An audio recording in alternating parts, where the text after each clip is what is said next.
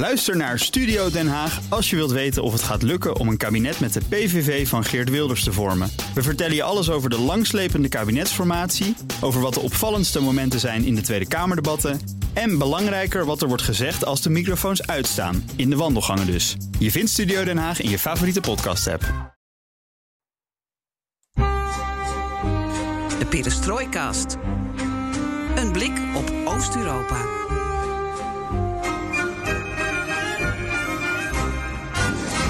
Welkom bij BNR Perestrooikast, aflevering 113 van de enige podcast van Nederland die volledig oog voor het oosten heeft en geeft. En deze keer een volle en gevarieerde show. We combineren geopolitiek met popmuziek. Waar hing jij uit deze week trouwens, Geert-Jan? Ja, hallo Floris. Je praat natuurlijk uh, al schreeuwend tegen mij omdat wij niet naast elkaar in de studio staan. Ja, jij klinkt ook best ver weg. Dus dan heb ik het idee dat ik enorme afstanden moet overbruggen. Ja, maar ik ben dicht bij je en ook dicht bij je in het hart. Oh, dus dat, dat hoeft geen probleem te zijn. Ik ben net terug uit Brussel. Mm -hmm. Ik ben uh, net thuis. Uh, heb, uh, ja, het plan was twee dagen. Het werd anderhalve dag in de Europese politiek mezelf ondergedompeld. Het gaat natuurlijk heel veel over de VS en Rusland. Die praten over Oekraïne. af en toe krijgen we wat geluiden uit Oekraïne zelf mee. Maar ja, we kennen het verhaal. Het land zelf zit eigenlijk nauwelijks aan de onderhandelingstafel. En wat ook veel wordt gezegd is dat de EU weinig aan die onderhandelingstafel zit. Dus ik ben in Brussel maar eens een beetje gaan rondlopen. En ook gaan kijken van, zit dat nou op de agenda? Uh, maar dat geldt ook voor Kazachstan bijvoorbeeld. Hè? En andere uh, Oost-Europese zaken. Uh, denk ook aan Bosnië in het zuidoosten op de Balkan. -hmm. Dus eigenlijk ben ik op zoek gegaan naar het geluid van de perestrooikastregio in Brussel. En hoe dat dan wordt verkondigd en naar voren wordt gebracht. Ah, dus je ging met onze tune ging je rond door Brussel. En ik ben uh, al stampend op Kalinka met een bas eronder een goede technobeat. Ben ik door het EP gaan lopen. Oké, okay, ik ben zeer benieuwd. Uh, een keer een ander geluid dan uh, het geopolitieke wapengekletter tussen Washington en Moskou en alle analisten die daarop duiken. Um, goed werk weer, Geert-Jan. Ik ben trots op je. Um, we hebben, je hebt Kazachstan al genoemd. Um, we hebben nog iets even af te ronden wat dat betreft.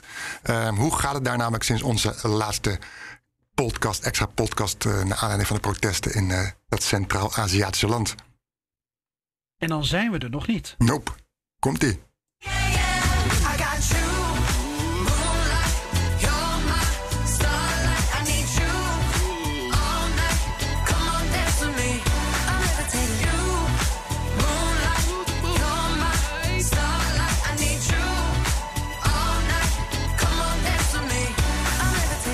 Gaan het hebben over de grote Albanese vier grootheden in de hedendaagse popmuziek. Hoe komt het dat vier zangeressen met Albanese wortels zo wereldberoemd zijn met miljoenen Spotify-luisteraars?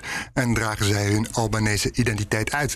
Daarover praten we met Stefan van Dijk, rechtstreeks ingevlogen vanuit Kosovo. Ik denk dat ze wel miljarden luisteraars bij elkaar Ja, miljarden, miljarden hits in ieder geval. Ja, ja, ik ben nog bescheiden. Uh, wie natuurlijk ook uh, miljarden luisteraars heeft, is uh, Joost Bosman. Ja. En dus horen we, hoor je hem weer ex exclusief met een goede mop.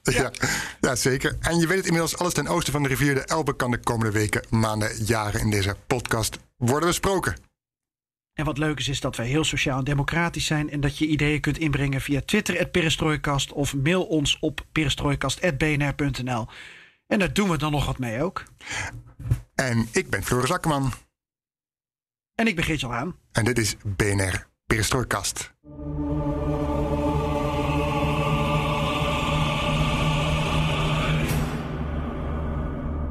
Um, ja, ik ben toch, toch zeer benieuwd, Geert-Jan. Uh, je ronde in Brussel uh, met onze regio in het hoofd. Uh, je hebt dan een tipje van de sluier zo even ge, gedaan. brandlos, wie heb je gesproken? Wat zeiden ze? Waar, waar had je het over? Ja, waar wil je mee beginnen? Misschien toch, kunnen we het een toch, beetje toch, uh, dan indelen in blokjes. Oekraïne, eventjes uh, als uh, hottest item. En wat wil jij dan weten? Waar ben je ik, vooral benieuwd? Ik ben benieuwd hoe daar, of het, hoe, in hoeverre het op de agenda staat in, in, in Brussel. Hoeverre er frustratie is dat ze niet aan tafel zitten. En ik ben ook wel benieuwd of er verschillen zitten. Ik weet niet of je die mensen hebt, of, of je hebt gesproken. Tussen Griekse Europarlementariërs, Hongaarse Europarlementariërs. En ja, hoe, hoe, hoe die kijken naar deze kwestie. Dat zijn alsnog weer een boel vragen ja, in één. Ja, klopt. Even dat denken. is, is slechte journalistiek. Je moet dat, niet alle vragen in één keer proppen. Nou, is niet per se slechte journalistiek. Alleen ik zit dan te denken van hoe ga ik uh, alles in mijn hoofd nu uh, aan jou duidelijk uitleggen. Ja, nou, moet ik je even een moment geven? Met... Mm -hmm, ja. Nee, ik ben er wel over uit. Mm -hmm. uh, laat ik beginnen met dat in Brussel ook de NAVO zit. Mm -hmm. Dus als jij het hebt over, wordt er in Oekraïne over en wordt er in Brussel over en met Oekraïne gesproken? Ja. Want er was uh, deze week ook een overleg uh, van de NAVO met Oekraïne zelf. Uh, dat gebeurde vanuit het militaire comité van de NAVO. Dat wordt geleid door een Nederlander, Rob Bauer. En hij is als het ware de militair adviseur van Jens Stoltenberg, de secretaris-generaal van de NAVO. En zij hebben deze week een stuk of acht sessies gehouden. Waaronder twee sessies met Georgië en Oekraïne. En dan konden die landen dus ook rechtstreeks aan tafel met de NAVO gaan zitten. En met elkaar bespreken uh, ja, wat nu de, de strategie is. Uh, in verband met de Russische dreiging die die landen voelen. Uh -huh. Nou, dat is één ding. Uh, tegelijkertijd in Wenen kwam de OVSE bijeen. de Organisatie van Europese Veiligheid en Samenwerking. Uh, daar was bijvoorbeeld ook uh, uh, Rusland dan aanwezig in de vorm van Lukasjevic. Dat is dan de OVSE-afgevaardigde namens Rusland. Ik was er niet bij in Wenen, maar ik heb dat wel gevolgd. En deze man gaf aan van er is helemaal geen sprake van een Russische dreiging. Ehm, het is de NAVO die als het ware ons voor het blok zet. Nou, en de hele week heb ik het gevoel gehad, zowel in Wenen als bij mij fysiek in Brussel, dat de berichtgeving op en neer ging. Dat de reacties op en neer gingen. En dan heb ik het vooral over positief en negatief. Dus het ene moment van de dag kun je een positieve analyse geven en het andere moment van de dag een negatieve analyse. Overkoepelend denk ik dat de positieve analyse is dat alle landen aan tafel zaten en iedereen wel uh, met elkaar in gesprek was. Uh -huh. Ik denk als er geen dialoog meer is, dan is het einde zoek. Nu weet ik niet op het moment van opname, en dit deel van onze uitzending doen we op uh, vrijdagochtend, weet ik niet of het er heel positief voor staat, omdat het heeft met twee dingen te maken. Eén, uh, uh, Rusland gisteren, donderdag, toch alweer vrij ferme taal uiten. Zo van ja, er valt met de NAVO niet te praten. Um, ja, dan heb je wel een dialoog, maar dan doe je alsof er geen dialoog is. Uh, en dan kun je ook wel zeggen, na deze week vol met gesprekken, dat er niet in ieder geval van een enorm deescalerende situatie sprake is. En een tweede, minder bemoedigend signaal, dat uh, komt naar voren uit uh, het bericht uit Oekraïne van deze vrijdagochtend. Massale cyberaanvallen op uh, Oekraïense overheidsinstanties, waaronder het ministerie van Buitenlandse Zaken. Met een virus dat ehm, dan in drie talen op alle schermen in al die ministeries te lezen was. Met een boodschap in het Russisch, Oekraïens en Pools. Zo van uh, alle data van alle Oekraïense burgers is bij deze geopenbaard. Uh, komt op straat te liggen. Uh, en dit is pas het begin. wees er klaar voor, Oekraïne, dat verleden, heden en toekomst dat we uh, ja, jullie zullen lastigvallen. Dat was als het ware de boodschap. Ja, het is, uh, als ik mag onderbreken. Uh, ja, eigenlijk niet, maar dat doe je al dus vooruit.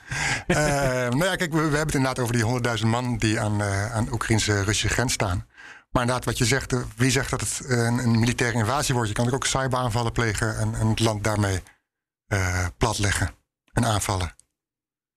Ja, maar dat vind ik te kort door de bocht. Want nou, dat is natuurlijk een onderdeel van het hele spel. Dus, uh... Ja, noem het maar een spel. Ja. Dat kan. Maar, nee, maar die 100.000 man is daar fysiek gesignaleerd. Tuurlijk. Op basis ook van satellietbeelden. En die 100.000 man zit daar niet met een laptopje. Dus wat jij bedoelt is dat het en-en kan zijn, of en-of. Ja. Maar dat die 100.000 man daar staat. En dat daar volgens internationaal recht sprake is van een bedreigende situatie. Dat is een feit. Ja, dat ontken ik niet. Dat daar een cyberaanval bij komt. Uh, eentje van, um, dat weten we nu nog niet, maar mogelijk uh, van het kaliber van 2017, toen je het Petja-virus had. Mm -hmm. Ja, dat is weer een, uh, een, een nieuw onderdeel van, nou ja, wat jij noemt het spel. Um, toen, vijf jaar terug, werden er allerlei overheidsinstanties, maar ook bedrijven echt lam gelegd. Um, met het gevolg dat dat vertraging opliep, ook logistiek tot aan de Rotterdamse haven. Um, een hele productieketen werd daarmee lam gelegd. Um, En mijn inschatting op dit moment, we weten het niet zeker, is dat het net iets minder erg is. En uh, de overheid, uh, de Oekraïnse ministeries zeggen van ja, het valt wel mee met wat er nu speelt. Uh, we hebben het kunnen corrigeren. En het is niet zo dat alle informatie op straat ligt. Maar goed, dat is misschien ook debunken van een situatie naar buiten toe. Dus we weten het nog niet zo goed. Nee, nee, nee.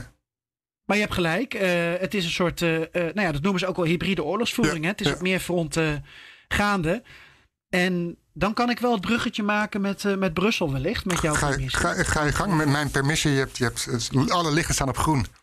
Fijn. nou, er was enige frustratie onder Europarlementariërs dat volgende week in Straatsburg Oekraïne en de situatie met Rusland niet besproken wordt en niet in een resolutie eh, op tafel komt te liggen. Nou, voor de mensen die iets minder in de Brusselse politiek zitten, je hebt in Brussel zit het, eh, zit het Europees Parlement drie van de vier weken. In Straatsburg heb je het echte Europese parlement. Eén keer in de vier weken wordt daar dan als het ware de, de besluitvorming gedaan worden daar resoluties in stemming gebracht. En ehm, wat wel op de agenda staat volgende week is Kazachstan. Maar niet op de agenda is Oekraïne en Rusland. En er zijn best wel wat Europarlementariërs toch enigszins gefrustreerd over. Die zeggen van ja, Oekraïne en Rusland, dat is wel onze invloedssfeer. En met Oekraïne hebben we een eh, Eastern Partnership. Maar met Kazachstan niet. En Kazachstan is in feite voor het Europees Parlement, voor de Europese Unie, niet een ander land dan bijvoorbeeld eh, Myanmar of Vietnam. Snap je wat ik daarmee bedoel? Mm, ik snap wat je bedoelt, maar ik weet niet of het zo is. Maar goed, ga door. Er is geen officiële relatie. Nee, Er is maar geen andere relatie. Ik denk dat er wel veel handel is met Kazachstan, meer dan met Ja, Myanmar. Of, Nee. Nou, maar, ja, maar zo werkt energie. het dan niet in de politiek. Mhm. Kijk, we hebben natuurlijk in het verleden ook die associatieverdragen gehad. We hebben een, een politiek verwantschap Met als Oekraïne. Europese Unie Eens. opgezet met Oekraïne, met Armenië, noem maar op. Maar niet met Centraal-Aziatische landen. Niet op datzelfde niveau. En daarom vinden Europarlementariërs het gek dat volgende week wel eh, er een resolu- resolutie is over Kazachstan. Dat de Europese Unie zich daar wel over gaat uitspreken. Zoals ze ook wel eens doen over Myanmar. Zoals ze ook wel eens doen over Peru. Eh, maar niet over Oekraïne. Terwijl dat dus een partnerland is. Ja, kom, komt het dan nog op de agenda? Wordt daar nu voor gelobbyd, om het zo maar te zeggen? Dat zou me niks verbazen, want ik heb ehm eh, buitenlandchef Borrell, die natuurlijk eh, eh, ja, een, een diplomaat is in hart en nieren en ook vrij betrokken is bij, eh, bij Oekraïne, maar ook wel eens met Lavrov om tafel zit. Nou, we hebben eerder, een paar maanden terug was dat volgens mij gezien, hoe, hoe Lavrov hem, hem wegblies hè, in, Mhm. een, in een persconferentie. Ja. Ehm, ik heb hem vanochtend, naar aanleiding van die cyberaanvallen, wel horen zeggen dat er een spoedberaad komt vanuit de Europese Unie. Ja, of daar dan weer een resolutie uit voortvloeit die volgende week in stemming wordt gebracht in het parlement, dat hoeft niet zo te zijn. Ehm, maar het ligt in ieder geval weer meer eh, ter tafel. Ja, dan nog tot slot even over Oekraïne. Je stipt het al een beetje aan. Is er verschil tussen hoe ar- Europarlem- Europarlementariërs er naar kijken? Hongarije, Griekenland. Weet je dat? Ja, dat is er wel. Mhm. Eh, wat wel interessant is, is dat in het eh, Europees Parlement.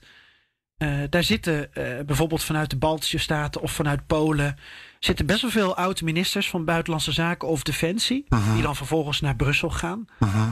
Eh, denk aan Sikorski Mhm. in Polen. Eh, De oud-minister van Buitenlandse Zaken. Toch? Ja. Ja. eh, Hardliner. die heeft al gezegd: ik, ik trap je in de ballen, Rusland. als je ook maar één poot uitsteekt naar Oekraïne. Niet de meest diplomatieke taal. Ehm, we hebben natuurlijk de Baltische Staten die net als Polen altijd vrij fel reageren op Russische retoriek. Ja. Tegelijkertijd heb je een land als Zweden of als Finland dat nu ook eh, zich zorgen aan het maken is. Het eh, eh, eiland Gotland in de Oostzee, wat op zich binnen beschietbare afstand van Kaliningrad ligt. Dat is nu ook weer zichtbaar aan het opschalen. Kaliningrad, daar, daar zou je dus raketten uit kunnen afvuren. Gotland heeft ook sinds twee à drie jaar een afweer, eh, luchtafweergeschut geplaatst.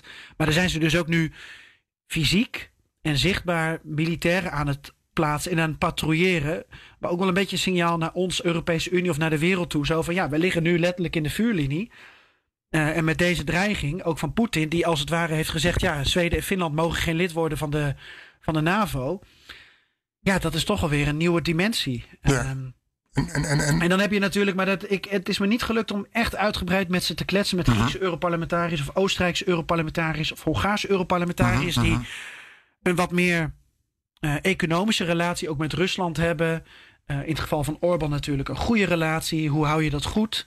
Ehm, ik heb ze niet uitgebreid kunnen spreken over hoe zij nu in dit hele um, huidige conflict staan. In de, in de huidige actuele situatie. Uh Oké, ik ben op zich wel benieuwd in de toekomst hoe dat zich dat ontwikkelt. Um, kunnen we, ik kan niet alles, hè? nee, nee. Alles. Ik, ben wel... Kunnen we Oekraïne afvinken? Wat wil je afvinken? Oekraïne, want je had ook nog over Bosnië en Kazachstan. Ja hoor, dat is goed. Um, Bosnië. Daar ben je ook nou, ingedoken, toch in Brussel, in de wandelgangen, ja, zoals dat noemen. Er, er, er, zijn best wel wat oproepen de afgelopen week uh, verschenen richting de Europese Commissie. Om uh, toch een serieus werk te gaan maken van een, een merkwaardig uh, belangenconflict. dat nu dreigt te gaan spelen. Wij hebben eerder in onze podcast. Hebben we met Thijs Reuten gesproken, Europarlementariër namens de PvdA in de SND-fractie. Mhm. En hij was toen net in Servië en, uh, en Kosovo geweest. Met name Kosovo, maar ik, uh, ook in het Servische gedeelte van, uh, van Kosovo. bij Mitrovica. En hij maakt zich ook ernstig zorgen om de situatie in Bosnië. waar Dodik van de Republika Srpska toch wel dreigt om dat gedeelte los te scheuren van de Bosnische Federatie. En misschien wel richting Servië te manoeuvreren. En, en wie daar een kwalijke rol in lijkt te spelen, en dat benoemde Reut ook al kort in onze podcast, is de Eurocommissaris voor uitbreidingspolitiek, voor EU-uitbreidingspolitiek. Dat is namelijk een Hongaar. En um, die spreekt zich maar niet fel uit tegen uh, de taal die Dodik uit. En dat is zorgwekkend, want een eurocommissaris hoort zich neutraal op te stellen. En Orbán heeft al gezegd: ah, ik geef 100 miljoen euro aan Dodik, aan de, aan de Republika Srpska, om ze te helpen. Uh -huh. Ja, dat is gewoon een, een EU-lidstaat, een leider van een EU-lidstaat, die dus zit te vroeten in een mogelijk conflict in een gebied op de Balkan, waar sowieso elk vlammetje al snel in een pan mhm. kan slaan. Ja. Nou ja, er worden brieven geschreven door Europarlementariërs. Die worden dan door andere Europarlementariërs ondertekend. Maar het komt maar niet op de agenda. Ook dat is volgende week niet een onderdeel van besprekingen in, in Straatsburg. Waarbij je toch op dit moment mag verwachten dat een Europese Commissie zich fel uitspreekt tegen wat in Bosnië plaatsvindt. Uh -huh. Ten meer ook, ik ben ook buiten even door de Europese wijk gaan wandelen. Daar was uh, afgelopen week een, um, een protestactie georganiseerd door um, ja, uh, Bosniërs in Europa, in West-Europa. Er waren ook Nederlanders bij, die zijn naar Brussel afgereisd. Hè, die bijvoorbeeld met de Joegoslavische emigratie van de jaren negentig bijvoorbeeld naar Nederland zijn gekomen en gewoon in Nederland zijn opgegroeid maar Bosnische uh, ouders hebben bijvoorbeeld. Ja, daar was Thijs Reuten bij, er waren andere Europarlementariërs bij. Ze hebben dat, dat um, onderwerp proberen te agenderen. En dat is nog steeds zichtbaar. Hè? Ik heb een aantal protestplekken gezien waar nog steeds borden staat van... Uh, ja, uh, wees één met Bosnië, -huh. uh, steun ons. stond daar mooi in een blakend zonnetje, maar met toch wel een, ja, een droevige ondertoon... omdat het maar niet op de agenda lijkt te komen. Ja. Ja. En daar maken mensen zich toch wel zorgen om. Maar niet genoeg mensen, blijkt nu. Dus het laatste wordt nog niet over gezegd. Uh, ik ben benieuwd hoe, hoe, het zich daar ontwikkelt. Bosnië. Um, Kazachstan? Of zullen we het even samenmengen met mijn praatje over Kazachstan? Ja, laten we dat beetje... doen. Daarover kan ik uh, vooral zeggen dat het dus op de agenda staat volgende week in Straatsburg. Dat, dat het Europees Parlement zich erover uit gaat spreken. Mhm. Maar ik vind het interessant wat jij erover uh, te zeggen hebt. Dat we inderdaad nog wat wat nieuwe ontwikkelingen hadden sinds onze extra perestrooikast. Uh, perestroikort. Ja. En dat hing vooral samen met dat wij toen nog niet wisten dat er dus eigenlijk gewoon een machtsstrijd achter de schermen plaatsvond. En dat heeft natuurlijk best wel impact op hoe we deze hele situatie in Kazachstan moeten duiden. Ja, zeker. Laten we even teruggaan naar die vorige podcast. Toen hadden we het over de oorzaken vooral van de protesten. De, de directe aanleiding, de onvrede over de hoge brandstofprijzen. En daaronder weer uh, de sociale ongelijkheid, corruptie en het gebrek aan verandering sinds de komst van Tokayev als president in 2019, die Nazarbayev op, opvolgde. En de laatste bleef op de achtergrond aan het touwtje trekken. Maar ja, wat, wat je al zei, Geert-Jan, wat gebeurde er sinds, sinds onze Kazachstan-podcast. Wat is er veranderd in het land? Um, het bleek inderdaad dat, dat er meer speelt dan alleen een protest, maar dat Tokayev uh, de touwtjes strakker in handen heeft genomen. En uh, zich ook liet gelden uh, richting zijn collega's in een onderrondje, in een ontmoeting uh, online met onder andere Poetin en met de Armeense, met andere leiders van die veiligheidsorganisatie waarin ze samen optrekken. Um, even een fragment over Tokayev, hoe hij denkt over de demonstranten die de straat op gingen. Не случайно бандиты нападали по ночам на морги, забирали и увозили тела своих погибших подельников. Они также забирали тела боевиков прямо с поля боя. Это практика международных террористов известного происхождения. Именно таким образом они заметают свои следы. Ja, heeft het dus over, over uh, die, die bandieten, uh, die demonstranten, die ook wat terroristen eerder heeft genoemd, inclusief buitenlanders, die dus een mortuaria inbreken om de lichamen van een dode kam kameraden te stelen, zodat er geen bewijs is voor wat ze hebben gedaan. Uh, dat, dat sprak hij in het bijzijn van Poetin onder andere. En, en eerder sprak hij ook al van, van een poging tot een staatsgreep. Uh, hij heeft orde op zaken gesteld. er zijn ruim iets van 12.000 arrestaties. 300 strafrechtelijke onderzoeken zijn er gestart en verder zijn er ruim 160 doden. Um, Even naar dat die... alles op basis van berichtgeving vanuit Tokayev en, en vanuit zijn uh, ja, uh, ministeries. Ja. Want uh, onafhankelijke waarneming is er niet. Uh, we weten dus ook niet of er buitenlanders bij betrokken waren. Waarschijnlijk niet. Um, en zo zijn er meer dingen en meer getallen uh, waarvan we niet weten uh, of het dode aantal niet veel hoger ligt, uh, of het aantal gewonden niet veel hoger is, het aantal arrestaties. 12.000 is trouwens flink hoog, maar goed. Um, dat allemaal gezegd hebbende, Floris, er was kritiek op hem, ook op zijn voorganger Nazarbayev, die dus dachten wij achter de schermen aan de touwtjes trok vanuit die Veiligheidsraad. Ja. Uh, hoe zit het nou met hun posities? Wat heb jij voor indruk daarvan? Ja, nou, het lijkt toch wel dat Turkije van de situatie gebruik heeft gemaakt om zijn positie te versterken. Door zich te ontdoen van Nazarbayev-vertrouwelingen. En hij heeft ook Nazarbayev op een zijspoor, gezet. We, horen ook niks uh, van en over Nazarbayev, waar hij uithangt, wat, uh, hoe het met hem is. hij heeft ook kritiek geuit op de rijkdom van Nazarbayev. Hoe die en de, de clan, de kliek eromheen, zich in de afgelopen jaren hebben verrijkt. Dus hij uit gewoon directe kritiek op de man die hem naar voren heeft geschoven.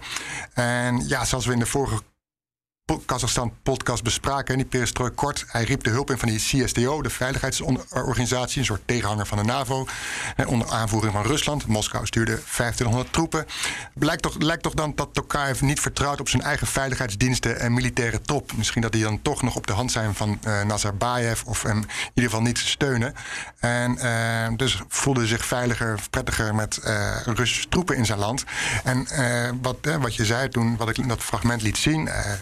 Tokayev praat dus met Poetin. Dat geeft toch aan dat uh, hij de steun momenteel heeft van, uh, van Moskou. En dat Nazarbayev is uitgespeeld. Aan de andere kant heb je China. Die legt momenteel ook uh, niets in de weg. China ook een belangrijke handelspartner van Kazachstan. Dus ook Beijing ziet in Tokayev momenteel de, de man in, in, in het land. In het Centraal-Aziatische land. En ja, van Nazarbayev is, is voorlopig geen, geen, is in geen veld of wegen te bekennen. Even over die 2500 troepen, zoals mhm. jij het noemt. Ik hoorde Tony van der Tocht van uh, instituut Klingendaal. Uh, en ook ooit uh, de opzetter van de Nederlandse ambassade in Kazachstan. Die hoorde ik laatst zeggen, ja, dat zijn eigenlijk vooral parachutisten. Hè? Dus je hebt het over zo'n 2500 parachutisten die uit de lucht letterlijk zijn komen vallen. om in Kazachstan wat orde op zaken te stellen. dus het is niet zo dat er 2500 verschillende legers zijn, zijn, zijn gestuurd. Nee, nee, nee, nee klopt. goed punt. Maar die die, die, die 2500 eh, parachutisten, die, die zijn nu uh, over land weer um, terug naar, naar, naar Rusland aan het gaan? Ja, je kan zeggen dat ze het hazenpad kiezen. Uh, ze zijn bezig met de terugtocht. terugtocht. Hè, toen ze aankwamen in Kazachstan wees, de, wees erop dat het Russische leger zich als het zich eenmaal ergens zit in een land, dat niet snel verlaat. Hier de, hoor je even de Amerikaanse minister Blinken van Buitenlandse Zaken wat hierover zei. Um, having said that, I think one uh, lesson of recent history is that uh, once uh, Russians are in your house, it's sometimes very difficult to get them to leave. Ja, nu zegt, heeft uh, minister Shoigu van uh, Defensie, de Russische minister van Defensie, gezegd dat de laatste soldaten 19 januari vertrekken uit Kazachstan. En nou ja, dat is dus als dat inderdaad zo klopt, dan eh, is het klusje uh, snel geklaard. En misschien denkt Poetin wel van ja, ik kan niet op te veel borden schaken en focus me even op uh, Oekraïne. En zeker nu het er naar uitziet dat Tokayev de controle heeft over het land en alle protesten zijn uitgedoofd. Ehm, wat je ook, Ik denk wel dat die 2500 parachutisten, dat het een beetje overschat wordt. wat zij dat, eh, zouden kunnen betekenen, bedoel je? dat de, nou, wat, hun, wat hun invloed en daadwerkelijke macht eh, op de grond is. Ik, ik denk dat de diplomatieke invloed veel en veel groter is. Ik weet niet wat Poetin heeft gezegd over die legerinzet. Ja, nee, dat klopt natuurlijk. Eh, je kan, eh, maar het is in ieder geval, een, denk ik, voor Tokayev een belangrijk signaal vanuit Moskou van hé, hey, ik heb de steun in ieder geval. En dat is dat eh, in zijn machtsstrijd. En ja, Poetin zei zelf over die lege inzet, de, hint het naar het buitenland, of kijken naar het buitenland. De gebeurtenissen in Kazachstan zullen niet de laatste poging zijn waarbij er wordt bemoeid met de binnenlandse zaken in onze landen. We staan, zei hij, destabilisatie niet toe thuis en ook geen kleurenrevoluties. En kleurenrevoluties, eh, als Poetin het daarover heeft, dan, dan doelt hij eigenlijk ook gewoon op revoluties die door het Westen worden gesteund en worden aangejaagd. Wat is nu het plan van Tokayev, denk je? Wat hoor je daarover? Want hij zit natuurlijk niet op meer protesten te wachten. Nee, hij moet, je zou zeggen, hij moet iets doen om eh, die protesten eh, tegemoet te komen. In ieder geval die demonstranten tegemoet te komen. Dat, dat heeft hij ook gezegd. Hè, met die protesten, met het einde daarvan. Dat wil natuurlijk niet, eh, betekent natuurlijk niet dat de corruptie en de sociale ongelijkheid, ongelijkheid zijn verdwenen. En, en je ziet die energie van, van, van die demonstranten. eh, het zijn natuurlijk niet allemaal, eh, er zullen heus wel eh, foute boeven bij rondlopen. Maar mensen zullen ook wel ongetwijfeld een, een onvrede hierin hebben geuit. Ja, die moet, eh, die moet eruit. Die moet een weg blijven zoeken. Die, die onvrede leeft toch. Eh, dus Turkije heeft aangekondigd dat hij in september met politieke hervormingen komt. En dat er een nieuw soort sociaal contract komt met de samenleving. Wat dat inhoudt, dat ben ik eh, wel benieuwd in. Eh, daarnaast heeft hij beloofd salarisverhogingen. En, waar ik zo even al over had, wil hij de rijkdom van de Nazarbayev-clan aanpakken. Dus hij distancieert zich in ieder geval echt van Nazarbayev. En eh, eh, van, ik heb daar niks meer mee te maken. Om ook die onvrede over, wat doet die oude man daar nog, weg met hem. Om, om die onvrede tegemoet te komen. Ja. Nou, Tokayev heeft dit of eh, zelf allemaal geanceneerd... of hij heeft hier heel handig gebruik van gemaakt... om zelf veel steviger aan de macht eh, te komen. Wat, wat is er in jouw optiek nog meer veranderd... in zo'n eh, ja, protestperiode in Kazachstan? Ja, het is toch wel de, die aanwezigheid van die Russische troepen. ehm, hoe we inderdaad niet moeten overdrijven, ben ik met je eens. Op, het, op, op Kazachstans, Ka- Kazachs grondgebied. Wat je eigenlijk zag tot, tot, tot die protesten, eigenlijk dat Kazachstan altijd een soort van evenwicht had tussen China, Rusland en het Westen. Qua handel eh, eh, wisten ze daar eh, te balanceren, te laveren. Maar dat evenwicht is verstoord. Nu heeft Rusland echt wel de overhand. En Tokayev heeft, eigenlijk- heeft eigenlijk zijn politieke leven te danken aan Poetin en staat dus bij hem in het krijt. En dan toch nog even vraag over Kazachstan in, het, in Brussel. Dat staat dus volgende week op de agenda. Ja, dat klopt. En eh, ik ben wel heel eh, benieuwd wat eh, de Europese Unie, ehm, ja, wat het parlement daar dan eigenlijk over wil, wil, wil zeggen. Ehm, ik heb nog niet gekeken naar hoe die resolutie er precies uit gaat Mhm. zien, wat er dan ter stemming wordt gebracht. Ehm, ja, wat ik al zei aan het begin. Kijk, het is heel belangrijk dat wij ook vanuit onze podcast Kazachstan goed blijven volgen. Maar laten we wel wezen dat de relatie tussen onze Europese Unie en Oekraïne toch echt een andere is dan die tussen ehm, eh, de Europese Unie en Kazachstan. Net zoals onze relatie met de Baltische Staten weer eigenlijk anders is dan die met Oekraïne. Het is nat- natuurlijk in de loop der decennia allemaal in verschillende gradaties eh, ontstaan. Eh, lid van de EU, partnerschap, eh, toekomstig EU-lid. ehm, of gewoon eigenlijk ehm, een handelslandrelatie, wat Ja, we met Kazachstan eh, hebben.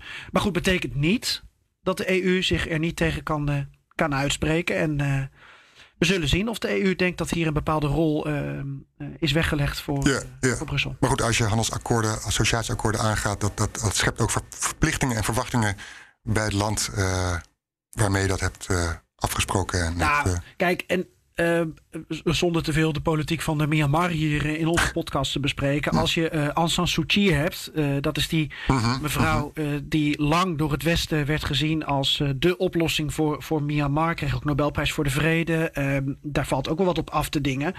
Maar ja, daar spreekt de Europese Unie zich regelmatig voor uit om haar te steunen, bijvoorbeeld. En dan tegen de junta in, in Myanmar. Kijk, zulke uitspraken, zulke opstellingen, die verwacht ik ook ten aanzien van Kazachstan. Hoewel het heel ingewikkeld is voor ons al om te zien wat is de rol van Tokayev, wat is de rol van Nazarbayev. Ehm, waar, waar spreek je je voor? Waar spreek je je tegen uit? Wie steun je? Ga je demonstranten steunen? Ik denk dat er een paar obligate teksten komen als we moeten eh, het demonstratierecht bijvoorbeeld, dat moeten we in Kazachstan blijven steunen. Je kan eigenlijk niks anders, want je weet nu helemaal niet wie aan welke touwtjes precies trekt en of dat ehm, in het voordeel of het nadeel is van de democratie. Dat weten we niet. En dat lijkt me dus heel erg ingewikkeld vanuit uh, Brussels point of view. Ik zou zeggen, succes daar in Brussel.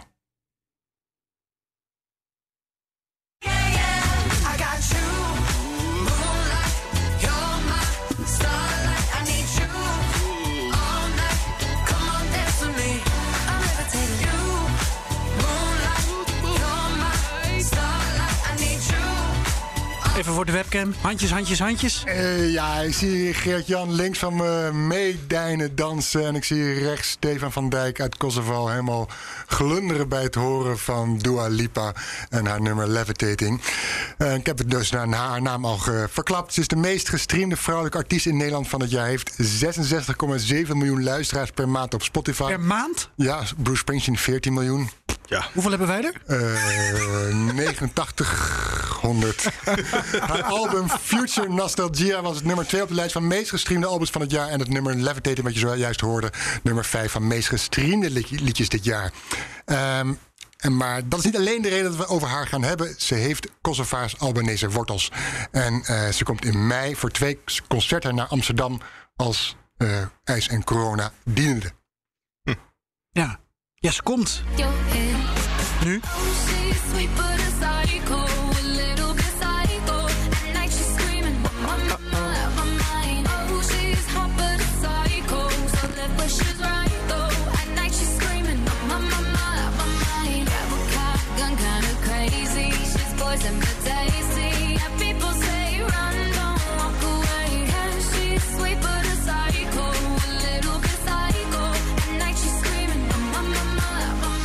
is wat anders dan Kalinka. Zeker. Ik alsof je het bent. Ja. Ja, Dua Lipa is de grootste van de vier grote zangeressen die we onder de loep gaan nemen in deze aflevering. Uh, nou ja, aanleidingen dus Dua Lipa die naar Amsterdam komt voor twee concerten. Dat stond al eerder gepland, maar, maar nu komt ze dan echt, is het idee. Uh, wanneer is ze voor het laatst hier geweest, Stefan? Ik moet over even zeggen, dit was Eva Max. Ja, daar, daar komen we straks ook weer op. Uh, maar dus oh, pardon. Nee, maar dat, dat, maakt niet uit. Allemaal in het thema van de uitzending. Ja. Uh, dat, dat is een goede vraag. Volgens mij heeft uh, dat is al wel een paar jaar geleden. In Utrecht stond ze vol, volgens mij. In Tivoli? Ja, wat ik een beetje gênant oh, vond voor... Tivoli, denk ik. Tivoli eerder. Voor, ik bedoel, prachtig plek, zeg maar. Zeg Zeker. Maar, maar, maar, ik, dacht, ik woon daar, wat wil je zeggen? Nee. Tivoli zelf ook. En waar ik dacht, waarom niet, zeg maar... in ieder geval, ja, dus al, alweer een tijdje geleden. Maar ja, de hele wereld wil er hebben, denk ik. Ja, en ik snap nu waarom ik de fout maakte. Want sorry, Floris. Uh, op basis van het draaiboek had, ik, het draaiboek had ik natuurlijk moeten zeggen dat. Naast Dua Lipa heb je ook nog natuurlijk Eva Max. Bijna 36 miljoen Spotify-luisteraars per maand. En dit was haar nummer, Sweet But uh, Psycho. Nummer 3, Bebe Rexha. Bibi Rexha. Bibi. Ja. Met 24,5 miljoen luisteraars per maand. En nummer 4, Rita Ora. Bijna 15 miljoen Spotify-luisteraars per maand. En we gaan dus in op haar uh, en hun populariteit. En hoe zij Kosovo en uh, Albanië op de kaart zetten. Uh, als ik nog even mijn, mijn eigen aanleiding hierbij mag benoemen. Ja, is, ja, ja. En, en dan gaan we het over jou besteven. Want we zetten jou naast deze grote vier centraal. Ik weet niet hoeveel luisteraars jij op Spotify hebt. Uh, iets minder dan jullie uh, met de podcast, uh, denk ik. Nou, dan, dan zijn we bijna tezamen de grote zeven. maar ik heb een, een paar weken geleden een lezing gegeven aan de, aan de UVAL, mijn oude opleiding slavistiek. En wat mij opviel was dat alle jonge uh, gastjes, um, alle studenten en, en, en studenten die ook naar ons luisteren, dat is extra leuk en goed mm -hmm. voor de Spotify-nummers natuurlijk. Die zijn zo ongelooflijk fan van deze artiesten. En die weten daar alles van. En dan heb ik het niet alleen over de mensen die de opleiding Servo-Kroatisch volgen, maar ook Pools, ook Russisch. Um, ook Tsjechisch. Er zijn er niet meer zoveel, maar uh, die ook. Ja, als je kijkt naar het aantal luisteraars, is het ook niet zo gek dat iedereen van haar heeft gehoord. Ik kon mij niet herinneren in mijn studietijd dat we zo uh, meegingen met de moderne muziek uit onze regio. We probeerden het wel te volgen. En toen we in Sint-Petersburg gingen studeren... tuurlijk waren we bezig met wat we, toen, wat we toen draaiden. En we gingen daar ook stappen. En dan moet je een beetje erin meegaan. Maar omdat dit wereldsterren zijn, Mhm. eh, staat dit zo op de kaart. En het fascineerde me enorm. En, en nou ja, toen wij dan hoorden dat jij even in Nederland zou zijn, toen dachten we, we trekken je aan je, aan je stopdas en we slepen je naar de studio in Amsterdam om hierover te praten. En ik kreeg Floris mee in het enthousiasme. Maar ja, Ja, ik, Floris, ik, die, ik hou van muziek. Dus, eh, Ja. En ook van popmuziek dus. ook zeker van pop, popmuziek. Dit zijn al die nummers die ken ik van, van sporten. Dus dan, dan zweet ik Oh, het zijn en inderdaad dan, hele eh, goede, precies, ja. goede nummers. bij, bij welke artiesten zweet jij het meest? Nou, ik denk Dua Lipa toch wel dan. Ja. Ja? En, en Dua Lipa, dat die studenten haar kennen, want ze is nu op, op 11 na meest succesvolle top 40 artiest ooit in Nederland. Dus ze zijn alleen, dus, dus waarschijnlijk duurt het nog een paar maanden. Ik heb even die, die, die lijst bekeken. Dat ze dus eh, Michael Jackson eh, en volgens mij Bruce Springsteen, maar in ieder geval dat soort types niet voorbij dat, maar. dat is een god Maar voor dat, dat moet je niet met elkaar vergelijken. Nee, nee dat, ik, ik zeg ook louter de statistieken over een natuurlijk. carrière van 40 Ja, jaar. ja, hè? Dan nou, moeten zij nog eh Nou, aan, en, aan en zij is dus maar een, paar, uit, maar, maar een paar jaar bezig. En er zijn maar tien acts die beter hebben gescoord zeg maar, in de Nederlandse top, top 40. Dus om maar even te laten zien hoe logisch het ook is dat iedereen haar kent. Ja, zijn tien Even- nummers van Bruce Springsteen. even- even Steen van Dijk. Het is wel, ze, ze zijn wel, sommige van hen zijn wel net zo politiek geëngageerd als, als Bruce Springsteen. Daar Oh, komen ja, we wellicht ja, nog ja, over te spreken, toch? Even naar Stefan Dijk. Wie, Ja. wie, wie, wie, wat ben je? Waarom... wat doe je hier? Ja, daar hoef je helemaal niet om te lachen, Gert-Jan. Nee, Nee, eh, ik, vind- ik vind het zo'n mooie bevlogen aankondiging van de gast. Wie, wat ben je? ja, ik ben eh, 37, een Nederlander met een Nederlandse getrouwd. En ik woon eh, eh, deze zomer, aankomende zomer, 10 jaar in, eh, in Kosovo. En ik kom er al wat, eh, wat langer. Eh, en mijn achtergrond ligt in de journalistiek, maar ik werk doorgaans vooral in de communicatie, PR, marketing. Dus ik, ik beïnvloed liever eh, eh, wat er gebeurt dan eh, dat ik het eh, slechts regis- eh, eh, eh, registreer. En ehm, ja, Kosovo, toen ik daarheen ging, wist ik wel dat het als het gaat om communicatie PR, dat dat niet eh, geweldig is daar. Eh, ook qua promotie van het land. Dus eigenlijk eh, vind ik dat zelf altijd gaaf om te doen. Dus veel op de voorgrond en op de achtergrond vaak dus eh, het promoten van Kosovo en, en in bredere zin ook wel de Albanese. Ehm, en eh, ik doe vaak bijvoorbeeld voor de kost, want uiteindelijk krijg je voor heel veel dingen niet betaald. Eh, werk ik ook altijd gewoon in de digitale communicatie. Dus soms voor lokale bedrijven die iets hebben te maken met het Westen of handelsopbouw. Of, of, en ik doe ook wel NGO-dingen, maar in ieder geval het liefst allemaal zo Kosovo ge- gerelateerd mogelijk. En, en, en, en, en ook het mooiste is dat het iets kan bijdragen, iets als een puzzelstukje aan de ontwikkeling van, Ja, van voor- prachtige land. Voor vanavond hebben je gebombardeerd tot politiek muziek-expert. Ja, eh, dat bij uitstek. Ehm, Maar dat is ook leuk, omdat jij kent ook die politici. En- Sterker nog, jij kent de presidenten van Kosovo. van Ja, ik, ik, dus, je- dus jij weet ook van welke van deze vier artiesten zij het meest houdt. Nou, in ieder geval eh, qua eh, samenwerking. Ik denk wel in ieder geval met Dua Lipa, omdat ze daar recentelijk nog eh, bij een award ja, daar, stond. daar komen we nog Ja. op. Daar komen we Ja, nog nou, op. even, een, even een teaser. Sorry. Ja, ja, nee, heel goed, heel goed. Even, we, maken het even, we gaan even naar Kosovo. En deze, deze grote vier, hoor je die te, onpas, te pas en te onpas in Kosovo. Echt elk winkelcentrum waar je loopt, elk... Ja, ik, eh, absoluut. En eh, de grap is dat ik ooit in Belgrado was een weekend. En daar hoorde ik haar ook heel veel. En dat vond ik eh, dan erg leuk en, en positief. Ja, klopt. En eigenlijk vond ik het magische dat ik eens een keer... Ik, ik ben, ben op een leeftijd dat ik niet meer drie keer per week in de club zit. Ook niet drie keer per jaar. Maar ik stond één keer in, een, dus in, in, in de club. inderdaad, ja. Ehm, en ehm, eh, ik, ik, ik weet nog dat, daar een liedje van Dua Lipa werd gedraaid. En dat voelde wel magisch, omdat iedereen weet waar, haar, waar zij woonde. Toen ze nog in Kosovo woonde. Eh, waar, waar familie nog, nog steeds het huis heeft. Eh, dat is allemaal vlakbij. Dat is allemaal te lopen zeg maar, vanuit het centrum. En ehm, ja, het is iets eh, heel bijzonders. Omdat het heel bizar is om te realiseren ehm, dat het een van de grootste sterren ter wereld is op dit moment. Na Bruce Springsteen, uiteraard. Ehm, en tegelijkertijd zeg maar gewoon dat je kunt lopen naar haar ouderlijk huis. Dat is heel, eh, ja, dat is wel, wel, wel bizar. Is dat een soort, soort, soort eh, bedevaartsoord geworden? Of? Nee, gek genoeg nog niet. Maar vol- volgens mij kun je dat er wel van maken. Ja, dan hoeft er niet, niet bedevaart, maar in ieder geval wel dat je dan... eh, ja, er zijn natuurlijk miljoenen fans in alle uithoeken van de wereld. Net zoals Guus Hiddink, volgens mij ergens in het oosten van, van Nederland... heel veel Koreanen Ja. Ja, maar je, je, je leest af en toe in de Nederlandse media zelfs, in de wat meer achterklapmedia, dat de nicht Ja, die- van die Dua Lipa in Nederland woont. In Leiden of in Amsterdam. Dat was in Nederland Dua Lipa. en dat wordt dan weer uit, eh, uitgelicht. Ja, dat heb ik niet gelezen, maar, maar ik weet wel van de eerste jaren eh, dat zij, eh, want ik, ik volg haar zeg maar vanaf het begin en toen natuurlijk niet zeker wetende dat ze zo groot zou worden, maar toen eh, volgens mij was ze met Oud ook een keer in Leiden. Dat, dat was toen, toen gewoon in de Instagram en gewoon dan zag je gewoon de, de, de bekende familiekiekjes alsof, het, alsof wij zeg maar Oud en Nieuw vieren. En ehm, eh, ja, dat, dat klopt. Ze heeft een familie in Leiden, zover ik weet. Ja, laten we nog één nummer van even draaien. Leuk. Welke, wel, wel, wel- gaan, we, gaan, we, gaan we squatten? Wat gaan we erbij doen? Eh, ja, gaan we squatten, jongen.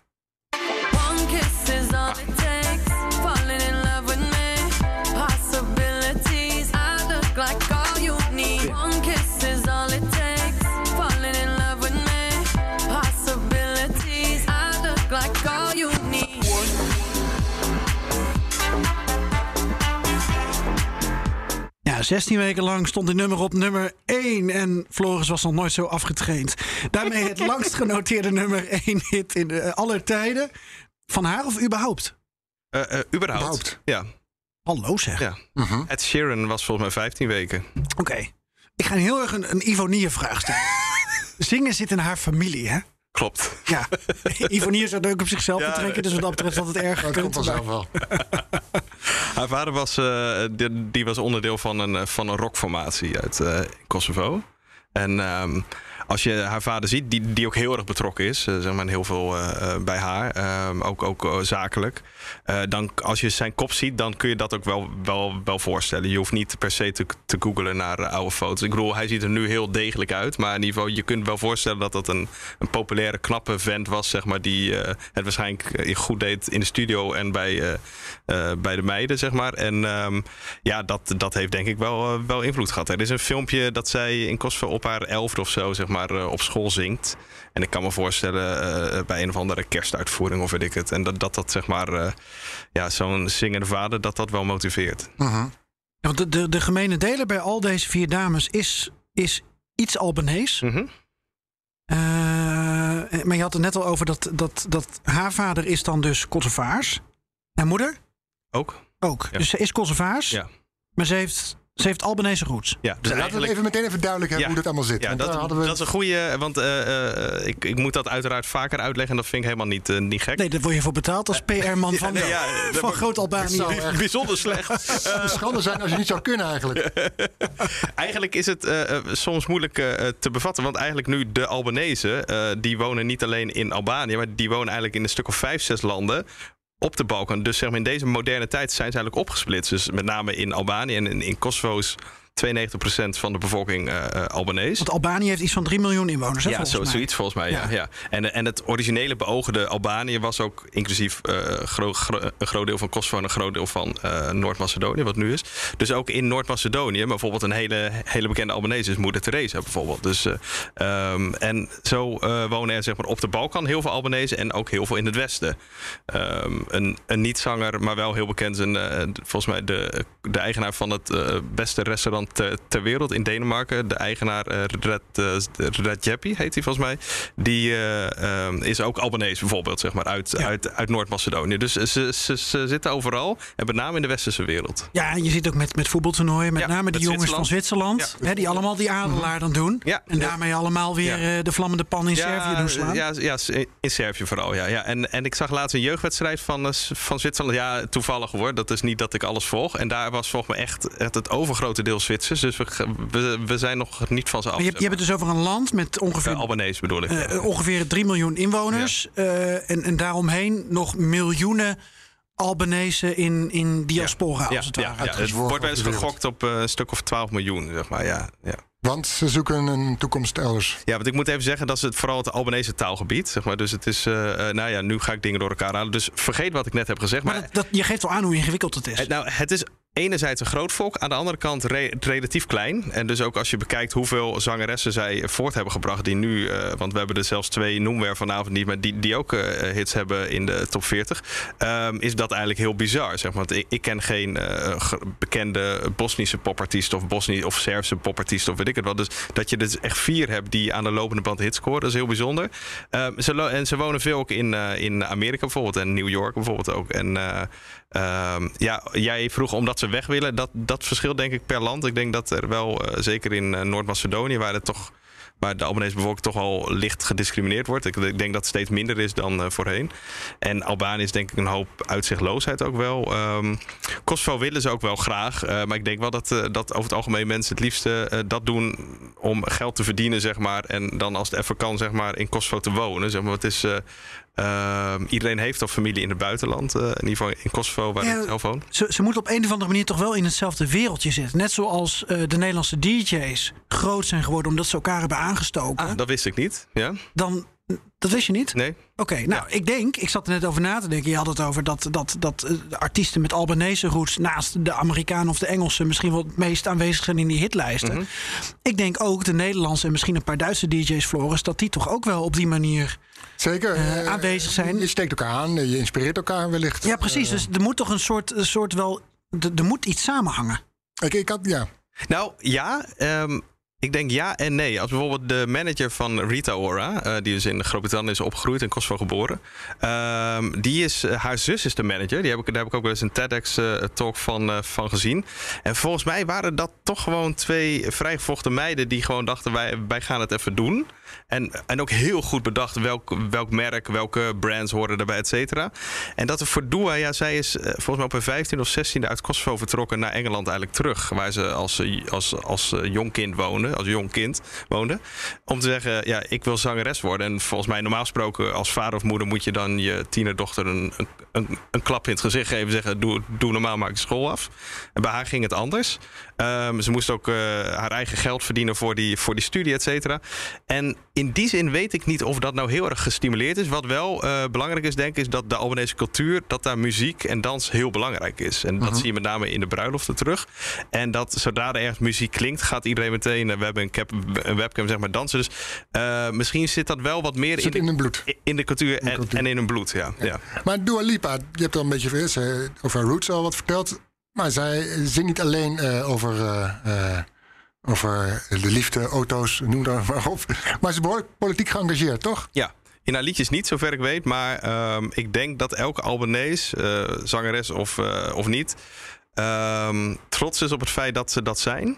En dat er ook een soort realisatie is de afgelopen jaren van... hé, hey, ik ben Albanese en dat mag ik zijn, zeg maar. Ehm, en dat, dat ze dat uitdragen. En heel kort even voor de context.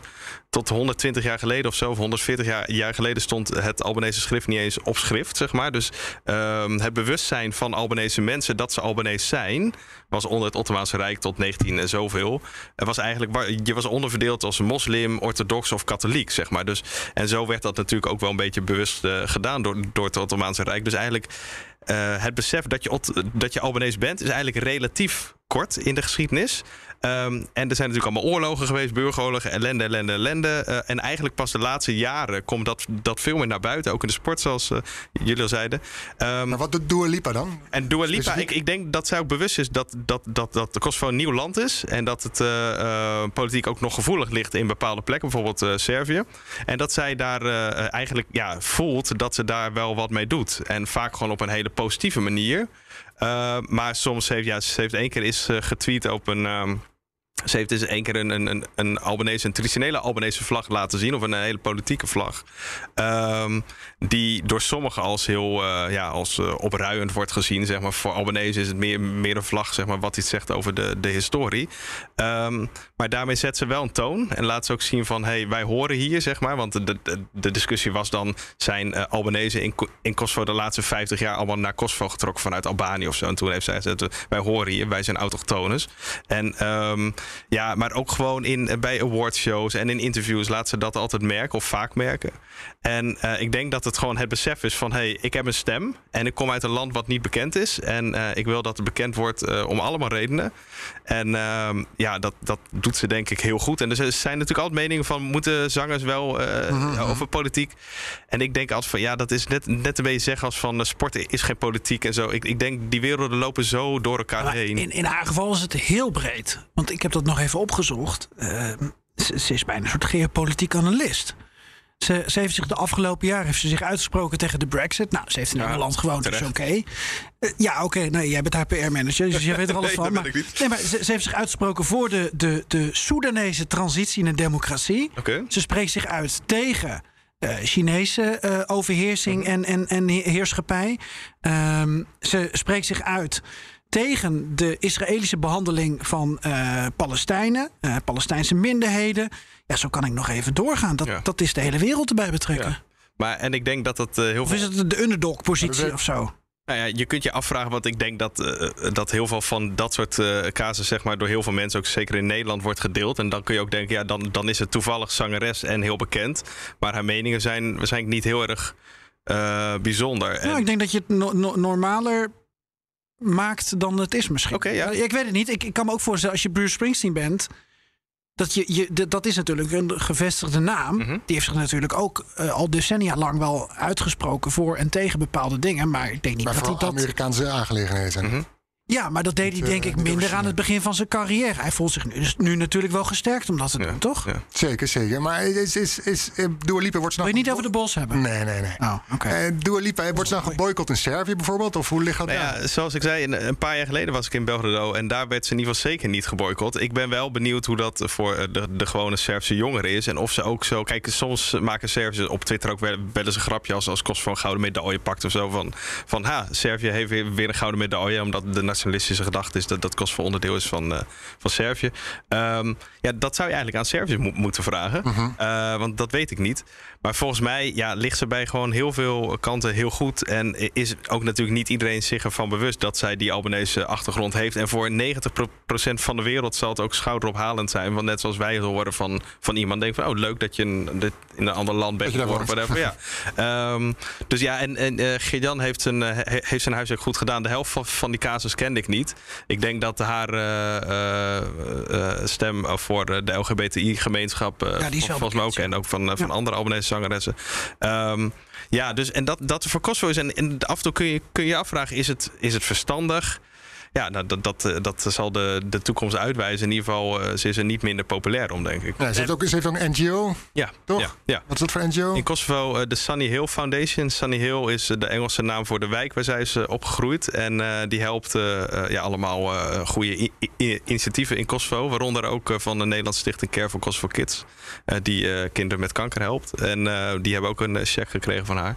En ehm, ik denk dat het heel, heel erg positief is. En, dat, ze, en dat, dat is een belangrijk onderdeel. Maar het feit dat ze de aandacht vestigt op Kosovo... en ook allemaal artiesten naar Kosovo heeft gehad. Ja, ik weet niet of je daar nog... Ja, ja, dus heeft een jaarlijks festival tot, tot, tot aan de crisis dan. eh, het Sunny Hill Festival. Ja, en daar De crisis corona. ja, sorry, ja, eh, inderdaad. En ehm, ja, eigenlijk heeft zij voor het eerst sinds dat 50 Cent ergens 100 jaar geleden in Kosovo optrad, eh, heeft zij allemaal grote, gro- grote sterren naar Kosovo gebracht. En dat, dat was heel bijzonder. Miley Cyrus, eh, Martin Garrix. En ja, die zouden anders A, nooit in Kosovo komen. Misschien zo, sowieso weinig op de Balkan. Eh, als die alleen al één Instagram-post zeg maar, wijzen, eh, wijden aan het feit dat ze in Kosovo zijn, is dat al zo'n enorme boost zeg maar, voor, de, voor, voor het land en voor het imago. Eh, en ook gewoon dat ze laten zien dat het gewoon heel relax, een relaxe, veilige plek is om, om op te treden. En dat het wel een hele goede sfeer is. Om te benadrukken voor de luisteraar dat landen als Kosovo en Albanië zo ongelooflijk pro-Amerikaans en pro-Europees zijn. Absoluut. Dat blijkt ook uit alle peilingen. Ja. Dat, dat, dat elke artiest uit, uit onze contraien wordt daar ook met open armen on- ontvangen. absoluut, En, en op, ja. een, op een schild Ja. gehezen Ja. van heb ik jou daar. Ja, alles wat, wat westers is, is, eh, is goed in, eh, in Kosovo doorgaans. En er zijn ja, meerdere straten aan eh, naar eh, Amerikaanse eh, presidenten genoemd. En, en niet de kleinste straten, Nee. zeg maar. En ook niet de kleinste presidenten. We, we, we moeten door met de andere artiesten. eh, nummer twee. Ik, ik, heb, ik heb nog één prangende vraag, maar die, die laat ik dan een beetje boven de markt hangen. Als je dat goed vindt. de markt spannend. je hebt, je hebt de regie. Nou, we hebben het over, over hun invloed van deze artiesten. En we, we hebben al een paar keer een beetje gekscherend groot Albanië gezegd. Mhm. Ik heb af en toe het idee dat de, laat ik het dan zo noemen, de, de groot Albanese zaak. Maar ook in ieder geval de, de gunfactor van Albanië en zeker van Kosovo. Dat die eigenlijk mondiaal gezien, in de westerse wereld in ieder geval, dat, dat die onvergelijkbaar groot is. Ehm, ik zat er nu gewoon ter plaatse over na te denken. Als het gaat over een groot Hongarije, waar ook mensen voorstander van zijn. Als het gaat over een groot Rusland, wat ook een thema is, hè, dat nog steeds Groot speelt. Servië. Een groot Groot Servië. Armenië. Eh, groot Armenië hoor je iets minder vaak, maar eh, er, er is wel sprake van. Groot Turkije. De- dan denk ik dat, dat, dat alles wat met Albanië of Kosovo te maken heeft, op een of andere manier vanuit een underdog-positie toch net iets anders wordt, wordt aangevlogen of geanalyseerd. Net iets minder dreigend wordt gezien vanuit westers perspectief. En ik dacht, Ik denk in dit geval met, die dame, met, de, met deze mooie artiesten, of een mooie, goede schat. Volgens mij, het klinkt gewoon lekker. Ja, Niet maar jeetje, man, jij weet toch ook, die Russische eh, vrouwen zijn toch ook fantastisch? Die Servische vrouwen, heb je gezien wat ze elke keer op het Eurovisie Songfestival afvaardigen? Nee, maar eh, wat, Nee. dat, Nou, en eh, overigens eh, wordt Kosovo nog steeds vraag geboycott op, op, op het Ja. Eurovisie Songfestival. van- vanwege een hele geslaagde eh, lobby van Servië. Van Ja. ja, als, als ze mee zouden doen, zou het de- de, stabiliteit van de, van de Balkan bla bla bla, zeg maar. Terwijl ze zoveel grote artiesten hebben voortgebracht. Ja. Dat heb ik even gezegd. Dat gezegd hebbende. dat is waar. ja. Maar goed, misschien moeten we de vraag dan niet nu beantwoorden. Maar hij hangt er een beetje, Ja, voor mijn ja. gevoel, wel boven. Dus, La- laten we doorgaan. ja, jij hebt. Sorry, Floris. Wie wil je nu horen? Wie gaan we horen? Ava Max, Eva Max, Eva Max. Kings and Queens. Ah. If all of the kings had their queens on the throne, we would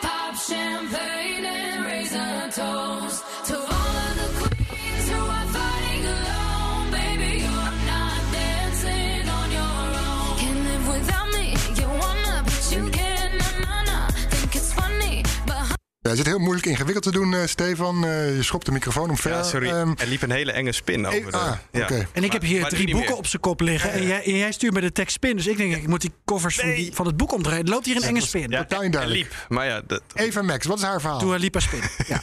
Overigens, dit liedje eh, is vol- volgens mij de reden waarom Eertmans en eh, Thierry Baudet zijn gebroken. Want Eertmans eh, vond dit een geweldig liedje en Baudet had liever klassieke muziek. Wat? Ja, Oké. ja, ja. Eh, Uh, du- iets van bij. er Maar wist eens niet dat het hier om ging. Ja. Het is Ehm, lekkere popmuziek. nou, Het gaat altijd om een vrouw. Vooral goed om te weten dat het ook gewoon een dochter is van, eh, van eh, moslimmigranten. Of in ieder geval eh, migranten uit, uit arme Euro- Europese landen. Ik weet niet of ze een moslimachtergrond heeft. Ehm, ja, zij, haar ouders zijn oorspronkelijk uit Albanië. Zijn daar begin jaren negentig vertrokken toen, toen het communisme, communisme eindigde. En ehm, zij is van de vier nog het minst lang bekend. En in Nederland misschien van de vier, eh, misschien nog in ieder geval als je top 40 technisch kijkt, eh, het minste succesvol nog. Ehm, maar eh, ja, het is, ja, ze is erg populair, wordt een beetje vergeleken met Lady Gaga. Nou, dat vind ik wel heel veel eer, maar eh, voor haar bedoel ik dan ook. Ehm, ja, en het is eh, grappig dat van de vier grote Albanese zij de enige is die roots heeft in Albanië zelf. Sweet. Maar but ze is, niet zo politiek geëngageerd als Dua Lipa? Of Nee, wat? nee, nee, nee, nee. nee. Helemaal ik, ik, niet, ik weet wel dat. ze- Nou, het, ik heb het in ieder geval niet, eh, niet gezien. En dat, dat zegt niet alles, want ik volg niet alles op de voet. In ieder geval eh, eh, laat ze wel graag weten dat ze, dat ze Albanese is. En dat ze daar ook eh, dat ze contact heeft, volgens mij, met haar oma ook veel. En eh, ze spreekt het ook. Ik heb wel eens een interview met haar gezien. Voor een, volgens, volgens mij een Albanese ochtendshow... waar ze dan even een stukje in het Albanese ook deed. Dat vinden Albanese altijd geweldig om te zien, zeg maar. En ehm, eh, ja, dus wat dat betreft eh, past ze heel goed in het rijtje. Ja, ik denk wel, ik heb me daar dus een beetje in verdiept van tevoren. En die kant, eh, dat, dat, wat ik daarvan lees, is dat zij inderdaad vooral bezig is met en dat ze 100% eh, Albanese is, dat ze dat wil uitdragen. En eh, feminisme. Als je dan toch een thema moet noemen, dan is ze daar wat meer Ja.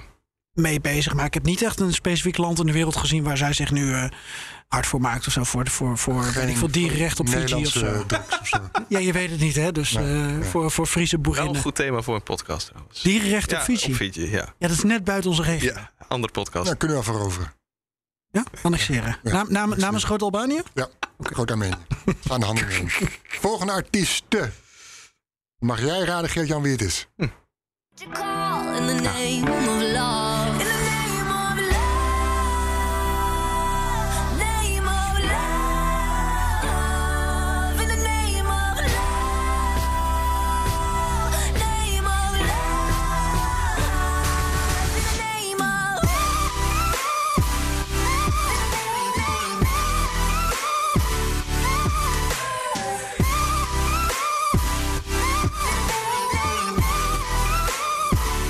dit, laatste stukje, dan, dat wordt zo hard in de sportschool gedraaid altijd... dat ik helemaal eh, niemand meer versta en, en het alleen maar zwart voor de ogen zie.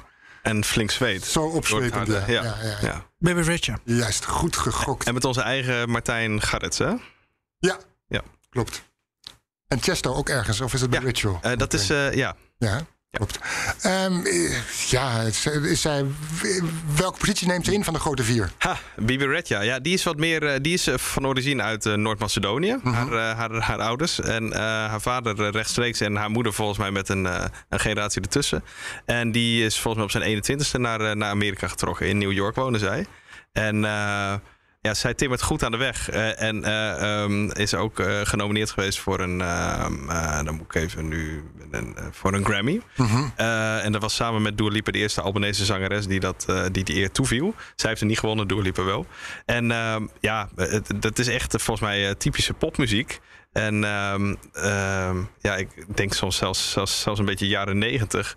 En in de positieve zin van het woord. Mhm. En, maar dat is mijn eh, slechte popmening misschien. Maar dus, ja, het is eh, gewoon een eh, hele goede in het rijtje van vier. En ehm, eh, ja, dus weer uit een ander land waar dus veel Albanese wonen. Ja, het geeft dus aan, precies ja. Ja. Het geeft er groot aan. En eh ehm, Geert-Jan opent het altijd, hè, waar komt dit, die, die, dat succes vandaan? Eh, hoe kijkt Kosovo, Kosovo en Albanië daar, daar, eh, jouw vrienden, hoe, hoe praat die dan over? Maar dit, Hoe zij komt dus uit? Noord-Macedonië. Ja, Ja, maar ik neem aan dat ze er ook over al die vier praten, toch? Ja. Oké, ja, hoe hoe Ja. ver- verklaren zij het succes? Heb je daar wel eens met ze over? Ja, nee. ehm, ik denk dat Albanese met name gewoon, eh, dus de gewone Albanese, ehm, super, maar echt super trots is. Dat ze zo, sowieso in het begin alleen maar Rita Ora hadden. Dus Mhm. dat er gewoon een bekende Albanese was. Die ook nog eens een clip in, eh, in Pristina, de hoofdstad van Kosovo, heeft opgenomen. Lang geleden. Dat, dat, dat was al te gek. Want het was altijd een soort ja, onbekend volk, zeg maar. Met slechte stereotyperingen. En in Nederland met name hè, arme, zielige mensen. De, de, de, de slachtoffers van de, van de Kosovo-oorlog. Ehm, en dat, het, eh, dat er al eentje was, was al zo bijzonder. En dat, dat er nu een hele hoop zijn, dat, dat is inmiddels een, een gewenning. Ehm, en ik denk dat het ook wel heel veel. eh, ik denk ook wel dat, omdat het allemaal gaat, gaat om vrouwelijke eh, muzikanten, dat. eh, eh, Heel veel meiden zich ook wel kunnen identificeren. Omdat de, de looks doorgaans eh, vergelijkbaar zijn. Zeg maar, natuurlijk, die, die zangeressen zijn allemaal op, opgemaakt en haar allemaal anders. Maar als je dat even allemaal weg, weghaalt, zeg maar, dan, dan eh, ziet, ziet ze eruit als heel veel mensen zeg maar, die, die op straat ziet. En ehm, ik denk dat dat zeg maar, qua i- identificeren zeg maar, heel, erg, heel erg goed is. Ja, als je, dan, als je dan Google Nieuws en dan Rita Ora intoetst... het eerste dat je dan krijgt Nederlandstalig... is, is een website met de tekst... Rita Ora heeft speciaal voor kerst wel heel weinig aan. Ja, Het gaat dus totaal niet over wat ze, eh, wa- wat, wat ze voor artiesten zijn. ja. We, we hebben het nog niet over Rita Ora, hè? Maar Nee. Ja, ik, dat is meer een, zeg maar, een ziekte van. nu.nl, Rita Ora vindt invriezen van haar eicellen... beste beslissing ooit. ja, ik zou andere media adviseren. Dua Lipa is ook eh, een vrijgezel. Hoe weet jij dat? Ja, dat kun je- gelezen. Eh, Als je, het- als je, als je googelt op haar, dan krijg je dat ze sinds een week of zo vrijgezel is. Dat die mensen sowieso tijd hebben voor een relatie is al eh, heel bijzonder, denk ik. Maar, maar wat, wat geven ze zelf voor verklaring voor succes? Ja, dat is het- een goede vraag. Ik, ik heb die specifieke vraag nooit gesteld, maar, maar ik Doe je denk dan? gewoon. Ja, helemaal niks. helemaal niks. Ja, ik denk gewoon wat ik eerder zei, dat, dat muziek zo erg in de cultuur zit. Mhm, en ja. eh, muziek en dans. En dat dat. eh, ehm, ja, dus waarschijnlijk een be- be- beetje doorstroomt. En ehm, dat showerige misschien wel. Dat het, eh, eh, waar mensen ja, wel eh, herkenning in zien. Ja, ja. Ehm, ja. Rita Ora hebben we al eerder, ge- haar naam viel al en dan draaien we dit.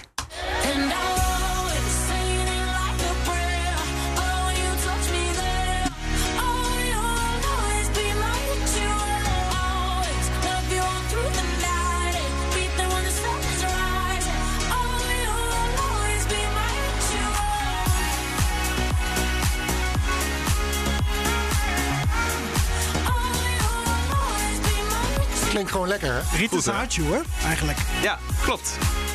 Klinkt, eh, dat betekent hetzelfde. Eh, misschien kun je het nog één keer zeggen. Want Rita Saatje. Ja, ja, ja, dat betekent volgens mij klok. En aura betekent ook klok.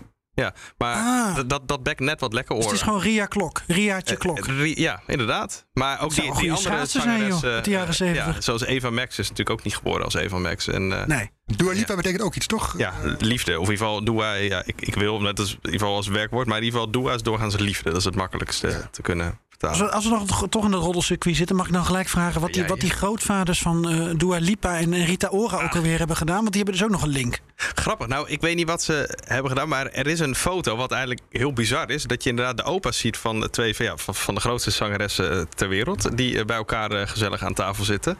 en dat eh, kenmerkt meteen het, ja, het dorp Kosovo, zeg maar, waar iedereen elkaar kent. en het is ook, iedereen in Kosovo is ook automatisch one handshake away, zeg maar, van, van bijvoorbeeld... Dus ze eh, kennen jou ook. Dat is dan een mooie gedachte. ja, niet iedereen gelukkig, maar Duka Jean eh, Lipa. Bedoel je de, de zangeressen of de... Kijk, Duka Jean Lipa, bijvoorbeeld de, de vader van, van die, die is actief op Twitter. En die, die lijkt wel eens dingen voor mij, dus, dus hij, hij weet wie ik ben. Eh, maar dat is aan zich dus in Kosovo niet zo spannend, omdat het echt een dorpje is. En dus heel veel mensen ook, ook echt iemand goed kennen, snap je? Dus ik, dat- voor mij is dat heel, heel ver weg. En het is, maar dat is het schattige van het, eh, van het land. ja, ik, ik, ik, eh, ik wil er wel naartoe eigenlijk. Ja, ja, als je zulke mu- goede muziek voortbrengt. Ja. En, en, en ook nog concerten eh, midden Ja. in, in Pristina Ja, van eh eh, Rita Rita Ora. Dan ben, je, dan ben je er natuurlijk bij. Want al, al, alle achtertuinen die grenzen aan dat ene plein waar die concerten dan Het zijn hele, het natuurlijk. hele land hoort er meteen. Ja, Maar God, is er weer een concert bij jou? Ja, jij ging er naartoe en het, Ja. was, het was op zijn Kosovaars. Ja, ja, ja, want ik ben waarschijnlijk de afgelopen tien jaar naar twee concerten geweest van Dua Lipa en Rita Ora. Dat heeft me bij, bij elkaar 10 euro gekost, denk ik. Eh, Rita Ora die trad op eh, tijdens het tienjarige bestaan van Kosovo. Ik hoop dat ik het goed zeg. Dus dat was in 2018. En zij ja, was als een soort hoofdact neergezet, eh, letterlijk en figuurlijk, eh, op de Moeder Teresa Boulevard. Dus de, centrale boulevard in de, in, de, in de hoofdstad. En zij trad op eh, daar s'avonds. En eh, ja, dat was, dat, dat was fantastisch. Ik, ik kom daar graag sowieso. En nu waren er zeg maar duizenden, waarschijnlijk tienduizenden, misschien wel honderdduizenden mensen. Wat compleet ehm, onverstandig is, denk ik, naar onze westerse maatstaven. Om zeg maar een, een mega-artiest in de binnenstad te laten optreden zonder eh, nou ja, kaartjes, verkoop, et cetera. In, in Kosovo eh, doen ze dat. En ehm, eh, ja, het, het, het grappige vond ik, want ik stond ongeveer. heb ik la, Nu, nu presenteer je Kosovo een beetje als Urk. Eh, dat eh, laat ik aan u. Eh, die, Ehm, wat het grappige was, ik, ik heb later even op Google Maps teruggekeken en ik, en, en ik stond ongeveer twee voetbalvelden afstand van, van het podium, zeg maar. En, en nog steeds stonden het, er mensen rijen dik achter mij. Maar het leuke is gewoon, ja, dat nog, nogmaals iets, iets superleuks en schattigs aan Kosovo. Dat de mensen dan gewoon met hun kinderen op hun schouders staan daar zo in het publiek. En dat het ook gewoon kan. En dat er niemand eh rotzooi trapt of vechtpartij of whatever. Het is gewoon super relaxed. En dat, ja, dat, dat vind ik heerlijk. En ik, ik kon, kon daar makkelijk heen lopen. En dan s'avonds loop je gewoon weer makkelijk naar huis. En het is maar die achtertuinen, zoals Ja. je al zei. Eh, en ehm, ja, dat ja, vind ik heel bijzonder. Ik vind- En, en gewoon heel erg eh, ja, schattig. Ja, fascinerend land. Floris die, die heeft, heeft zich natuurlijk ook heel goed voorbereid. En die vertelde mij dan weer dat Rita Ora zelfs Adele heeft afgetroefd. Ja, statistisch dan. Want ehm, als ik goed ben, ben geïnformeerd, eh, ehm, heeft zij meer top 10 hits dan Adele in Groot-Brittannië. Als het gaat om Britse zangeressen, wat ze feitelijk is, Brits Ja. natuurlijk. En eh, ja, eh, als je denkt aan de grootste Britse zangeres van dit moment, zou ik denken Adele, zeg maar. En qua aantal top 10 hits is eh, Rita Ora daar in ieder geval voorbij. En eh, dat is een grappige statistiek. Bij deze genoemd. En, Rita en, Ora is geboren in Pristina. Ja, die is geboren en volgens mij als, als baby naar Engeland gegaan. Haar vader kroegeigenaar, moeder psycholoog. Oké. En, en als je, eh, wa- want zij is eh, eh, speciaal ambassadeur voor, voor Kosovo, Ja. of eervol Ja. honorary. Ja, hoe draagt zij dat uit? Ja, door, eh, ik denk dat het tegenwoordig iets minder actief is, ho- hoewel ze voor, voor, voor UNICEF ook dingen doet met betrekking tot, eh, tot Kosovo. Ehm, eigenlijk word je dan, zeg maar, als er bijvoorbeeld eh, activiteiten zijn op de Britse, sorry, de Kosovaarse amba- ambassade in Groot-Brittannië, zeg maar, dat ze daar wel eens is opgetuigd, eh, terwijl de presidenten, toen eh, vorige, vorige presidenten, eh, daar was. En dat ze zich, eh, denk ik, eh, eh, ook nog officieel eh, bewust is van het feit dat ze vocaal moet zijn over, eh, over Kosovo. En als een, eh, eh, een leuk nieuw eh, land met jonge mensen die, als je ze de kans geeft, zeg maar, er, er wat van maken. En ehm, ehm, ja, daar uit het zich in. Want wij hebben het in dit gesprek, we hebben het een beetje aangevlogen op een manier van ze hebben alle vier Albanese wortels. Ja. Hadden we ook kunnen zeggen ze hebben alle vier Kosovaarse. Nee, nee. Dus Nee, het zijn dat kan er Albanese en de ene komt uit Kosovo, de andere Macedonië. Precies, want het is allemaal etnisch Albanië, ja. Albanese allemaal, et- roots. allemaal etnisch Albanese, ja. En dat is ook waar heel veel mensen zullen zich altijd... Dus Albanese, welke achtergrond dan ook, ge- ge- welke geografische achtergrond... zullen zich vaak in eerste instantie als Albanese identificeren. Maar dat is niet altijd zo, maar dat is vaak, vaak wel zo. En ehm, eh, dat zou ook per land verschillen. Ook, ook per land waar je nu woont, zeg maar in het westen. Ehm, en eh, ik weet bijvoorbeeld wel eens in Groot-Brittannië, daar hebben bijvoorbeeld de mensen bij eh Albanese vaak een wat slechtere eh, eh, imago, eh, wat negatieve denkbeeld. Eh, dat ze zich misschien wat eh, een Kosovaar noemen. Maar wij, wij noemen eigenlijk onderling ook in Kosovo elkaar, ja, ik- behalve ik mezelf dan natuurlijk, maar in ieder geval Albanese. Je, je hebt het altijd over, over Albanese, zeg maar. Van, Oh ja. Was je Albanese of Amerikaans? Snap je? Dus dan, en dan als het gaat over Albanese uit Albanië, moet je dat er expliciet bij zeggen. Dus zij voelen zich zo. En als ze het dus hebben over. Als je ooit eens in een tweet iets leest van een van die grote zangeressen dat ze zich Kosovaar noemen. Dan, is dat, dan hebben ze dat heel bewust gedaan om het eh, duidelijker te maken voor de, voor de achterban, zeg maar. Hè? Omdat mensen misschien denken, ben, ben je Albanese of Kosovaar? Maar je, je, jezelf identificeren in de buitenwereld, naar, naar de buitenwereld als Kosovaar... is meer een soort politiek correctheid. waar niks mis mee is. Ik vind dat zelfs heel positief als mensen dat doen. Maar je voelt je vaak in eerste instantie Albanese. En het cliché is ook van, als het gaat om religie, zeg maar, van een Albanese eh, voelt zich eerst Albanese en daarna ben je pas christen of moslim of eh, whatever. Een soort, soort club of vereniging bijna. Ja, maar vaak, eh, helaas, ze zijn wel vaak verenigd. Maar qua vereniging, zeg maar, van al die verenigingen, zeg maar, daar valt echt een grote slag, me- slag mee te maken. Dus als er qua lobby, et cetera. Dat is, maar dat is een heel ander verhaal. Maar ehm, er zijn nog heel veel stappen te zetten van die Albanese wereldwijd om zich beter te verenigen en om een grotere stem te laten horen. Eh, wat, wat nu misschien wordt gedaan door die, door die zangeressen. Maar, eh, nou ja, maar ander verhaal. Ja, Dua Dua Lipa liet die stem horen eh, eerder deze maand bij een Hm. bijeenkomst van vooraanstaande binnenlandse en buitenlandse politici. Gaf ze een toespraak. Stuurde jij braaf naar me toe. Ja. Eh, we moesten vooral één stukje Goeie laten horen. PR-manager. Ja, ja, heel goed. hij, hij heeft ons ook alweer ingepalmd. Volgens mij Nul wordt die- euro, wordt- wordt- Volgens mij wordt hij wel gewoon betaald hoor. Hoe smaakt je bier? Eh, Heb ik betaald? maar daar gaf Dua Lipa toch een klein eh, tipje van de sluier over het succes verklaard. Van die grote artiesten. Waar wij journalisten zo naar vragen. And journalists from highly respected publications speculate on what must be in the water to produce so many successful music artists.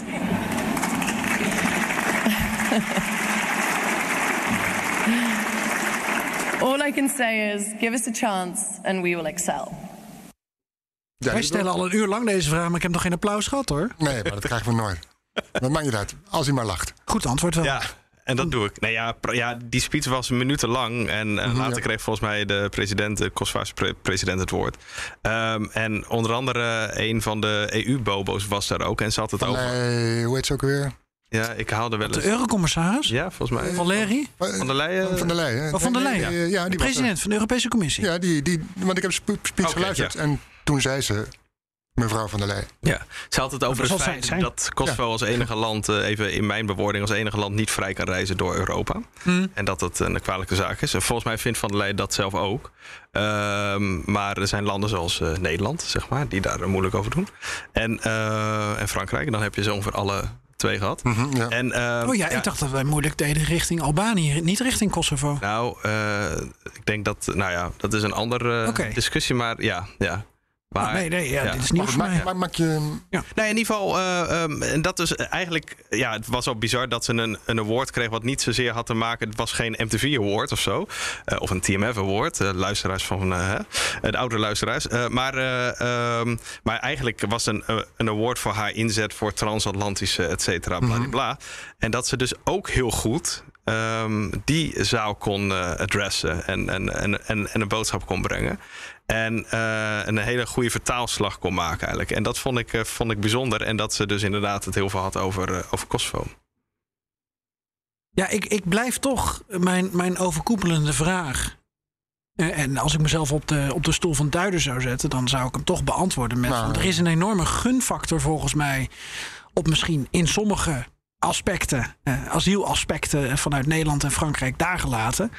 eh, is er een enorme gunfactor in het Westen volgens mij voor, voor zowel de Albanese als de, de, de Kosovaarse of, of, of Albanese in general vraag. En meer, denk ik, dan eh, voor andere landen die ook wel eh, willen dat zij hun. ehm, ja, misschien zeg ik het verkeerd, Stefan, maar hun, hun volkeren willen verenigen. ehm, Ja, verspreid door de regio. Ja, en daarbij verenigen moet ik wel echt zeggen dat het eh, dat vaak de angst is dat het politiek is. Althans, die angst wordt aangewakkerd door een land wat misschien ook wel een. wat- misschien veel, veel meer een wil heeft om groter te worden. Ik denk dat, eh, ehm, dat Kosovaren zeker eh, over het algemeen helemaal niet eh, eh, letterlijk samen willen met Albanië. Dat er in Albanië op zich die, die wil ook wat. Ik bedoel, de wil is er ergens wel. Maar Albanese willen vooral cultureel zeg maar, samen zijn. En, en- en, het is al één volk, zeg maar. En als je naar de EU kijkt, daar kun je gewoon zonder dat er een grens is, gewoon doorrijden. En voor. Maar, maar dit, is al interessant. Want jij zegt het is al één volk. Ehm, Het is al, absoluut één volk. ja, ja, maar als jij nu een, eh, eh, een, een, een eh, Hongaars, een, een Mhm. Hongaars Nederlander zou zijn... en hier Ja. aan tafel zou zitten... en jij zou spreken over één Hongaars volk... Ja. weet ik zeker dat wij luisteraars hebben... of andere mensen Mhm. die daar... een soort van boos op worden. Die dan Ah, beginnen over van wat ben je voor, voor een Orban-adept. Snap je? Ah, En dat ja, is een beetje het, wat ja. ik bedoel. Ook met Groot-Servië, met Groot-Rusland. Ja. soort van traditionele eh, ja, agressor. Eh, Kosovo is natuurlijk ons, ons kindje. Dat hebben we zelf opgericht. ons en- democratische en- kindje. Dat zijn we helemaal aan het inrichten eh, Ja, en dat is ook het moet. natuurlijk eh, ook in, in, in hè, Rusland is weer tegen, dus dat heeft natuurlijk ook weer mee te maken. Ja. Ja, heel veel boevenlanden zijn tegen. maar- Da- daarom kies maar- ik ook geen partij hierin. Nou, maar, maar- valt mij dit dus op. Nee, maar ik, ik moet hier, want eh, ik weet dat hier heel veel. eh, laatst kreeg ik ook van een Nederlandse diplomaat, zeg maar, van hoe eh, de vraag van in, in hoeverre leeft dat, zeg maar, die hunkering naar de groot Albanië of etnisch Albanië. Maar ik denk dus in, dat, in de praktijk dat dat helemaal er niet zo is. Dat het eraan ligt hoe je die vraag stelt, op welke dag, et cetera, aan wie. Maar over het algemeen willen Kosovaren in ieder geval niet samen met Albanië één land zijn. Want ze weten dat het A sowieso, eh, eh, nou ja, levert dat meer banen op, zeg maar, is de vraag. En het is, ik, het is veel genuanceerder dan ik het zeg. Kijk, mensen voelen zich één, en dat vind ik helemaal niet gek. Eh, sterker nog, dat vind ik compleet terecht. Omdat ja, dezelfde taal, dezelfde cultuur, tradities, et cetera. Zo kan Maar- ik hem ook met een heleboel Russen gaan spelen. ja, maar da- da- daar heb ik geen, geen, geen idee van. Dus, Nee, maar ik wil een context maar scheppen, Er ja. zijn mensen bang. En ik denk dat, dat die angst vooral wordt aangewakkerd door bepaalde landen die daar belang bij hebben. Dat ze, hè, die Albanese, wat ook nog eens allemaal moslimterroristen zijn, dat die één land, e- één staat willen stichten. En ook bereid zijn om de wapens daar, daar, daarvoor op te nemen. Dat dat echt, dat dat echt, ik kan me dat echt niet voorstellen voor 99% van de Albanese. In al die landen niet.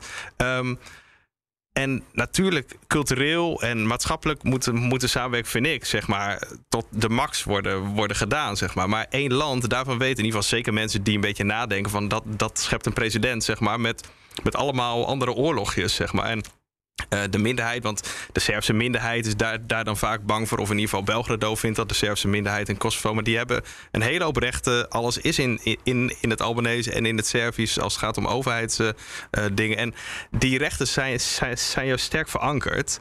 En eh, dat het altijd goed gaat, nee zeker niet. Maar dingen worden heel vaak opgeklopt met een bepaalde agenda. En over het algemeen, Kosovaren, Albanese, Albanese uit Macedonië voelen zich allemaal één. Ehm, en natuurlijk zullen mensen in een opwelling wellicht wat, wat vaker daar dingen over roepen. Ik ook, als het onafhankelijkheidsdag is, dan zingen we allemaal van dat soort Albanese Hup Holland Hup-achtige liedjes. Maar echt samen wi- willen gaan, en zeker met hoe Albanië nu politiek is, zeg maar. Terwijl Kosovo laat zien dat het echt een democratische ommezwaai heeft gemaakt, dat heel veel politiek mogelijk is. Ik denk dat heel veel mensen daar helemaal niet op zitten te wachten. Ehm, maar dat het wordt gedaan alsof al- alle Albanese groot Albanië willen stichten. En daar ook nog eens bereid voor zijn om daar de wapens op te nemen. En Dat geloof ik echt niet. Is dat dan waarom een Dua Lipa misschien eh, zich zo erg uitspreekt voor eh, de goede zaken in een heleboel andere landen? Nou. Ehm, en omdat dat een soort van erkenning geeft aan de Palestijnen. Of erkenning geeft aan de eh, ongehoorde stem in Soudaan, om maar wat te noemen. Want ik, die voetballers, die Zwitserse voetballers, jij hebt ze ook gezien, Floris Chaka en Shakiri, die dan die adelaar doen als ze ja. gescoord hebben. Ja. Eh Chaka? Ja, Chaka. zei. Ja, dat, dat Sorry, is veel Emil de- Radebrand, hè, de, maar, de, eh, de Nederlandse commentators zeggen wel eens Chaka. Dus Ja. daarom zeg jij het ook, ja. Chaka, oké. Die vier dames, die heb ik niet zo dat adelaartje zien doen. Eh, dat doen ze ook wel. Doen ze ook wel. Ja, maar kijk, ook dat zeg maar, die adelaar, dat is natuurlijk ook voor, voor Albanese is dat, dat iets wat je zeg maar gewoon voor de leuk doet. Ik, ik, ik ben Albanese en dit, dit, dit is het teken van onze vlag. Precies. Ja, dat, dat symbool is gecriminaliseerd door de Servische propaganda. Van hey, de Serven zeggen, hey, dat is fout, want dit dat. Ja, er is nooit dat er Albanese een of andere burgeroorlog zijn, zijn gestart met dat symbool. Er is een ander Serfs symbool met drie, vingers, met drie vingers in de lucht. Die wel is gebruikt terwijl er etnische zuiveringen werden gepleegd. et cetera. Ga, dat vind ik allemaal niet nuttig om te, over te, te starten, zeg maar. maar hoeft ook niet. Maar ik, ik bedoel, want dat is ook totaal niet mijn zaak. Maar de Serviërs proberen dat te criminaliseren eh, tijdens het WK 2018. Eh, dat werkt als een boemerang, want opeens wist de hele wereld, zeg maar, eh, wat de Albanese vlag was, de Albanese teken en weet ik het wat, zeg maar. En ehm, ik denk dus dat, dat iedereen dat op zijn manier doet. En dat het soms een soort van cherrypicking wordt gedaan, zeg maar, door, door de propaganda zeg maar, van Servië, al, al, niet gevoed door de, door de Russische propaganda. Om dat te criminaliseren en om te laten zien: kijk, het zijn, het zijn gevaarlijke mensen en het zijn moslimterroristen, et cetera. Wat echt allemaal de grootste kul is. En ehm, ja, dat het misschien iets moeilijker is, is te doen bij een wereldwijde scorende artiest. Omdat ze weten dat dat, dat, dat publiek misschien wat minder politiek gevoelig is, et cetera. Ja. En dat zij zich eh laat, eh, uitlaten over bepaalde mensen. ook bedoel ik niet de Albanese. Ja, is misschien ook omdat ze zich gewoon voelt of eh, identificeert met vluchtelingen.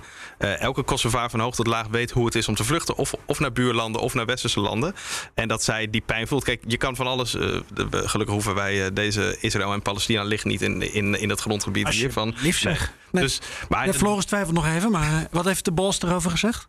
Die houdt zich afzijdig. Oké. Ja, heel, heel verstandig, zou ik zeggen. Maar eh, dus ja, ik, ik, ik kan me gewoon voorstellen dat als mensen bepaald leed zien in de media en al dan niet een context of juist geen context of ju- juist wel dat, dat ze zich daarover laten horen. Maar dat eh, ja, uiteindelijk Albanese, geval Kosovo, die zijn ook eh, slachtoffer geweest van een etnische zuivering. Dus, ehm, en ja, dus waarschijnlijk als je bepaald onrecht ziet van mensen. Eh, dat, dat, dat het wordt getriggerd. Dat hoeft ook dus geen etnische zuivering te zijn. Maar eh, dus dat kan ik mij wel voorstellen. Of altijd verstandig is, als ik HPR-manager zou, zou zijn, zou ik af en toe zeggen van nou, noem het daar nou even, heb het even niet over Israël, bijvoorbeeld. Ehm, maar ja, ik ben HPR-manager Nee, daarom, niet. daarom ben jij PR Nee, ook niet. nee. Als je, die, die vier, wie van jou is de favoriet? Waar ben je de grootste fan? Ja, ik, ik vind, dus Dua Lipa vind ik geweldig van- vanwege alles wat ze betekent voor, voor ons, zeg maar. De, zeg maar de Albanese zaak, de, de, de, de pro. Ehm, ja, Rita was de eerste. Ik vind muziektechnisch vind ik Bibi Redja wel de leukste. En die vind ik ehm, ja, gewoon lekker een beetje maf, zeg maar. Dus dat vind ik, vind, vind ik wel grappig. Komt maar het is wel allemaal pop, zeg maar. Ja.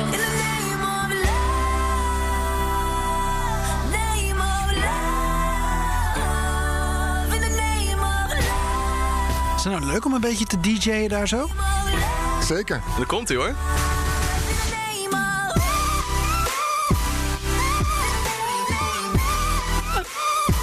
Oh, zo. Ik deed de adelaar verkeerd. Zo toch? Baby, ja. Baby Ratcha, ja. Een babytje. Dankjewel, Steven van Dijk, eh, fan van Dua Lipa, Rita Ora, Bebe Rexha, eh, Bebe Rexha. Eva Max. Eva Max. Max. Ja.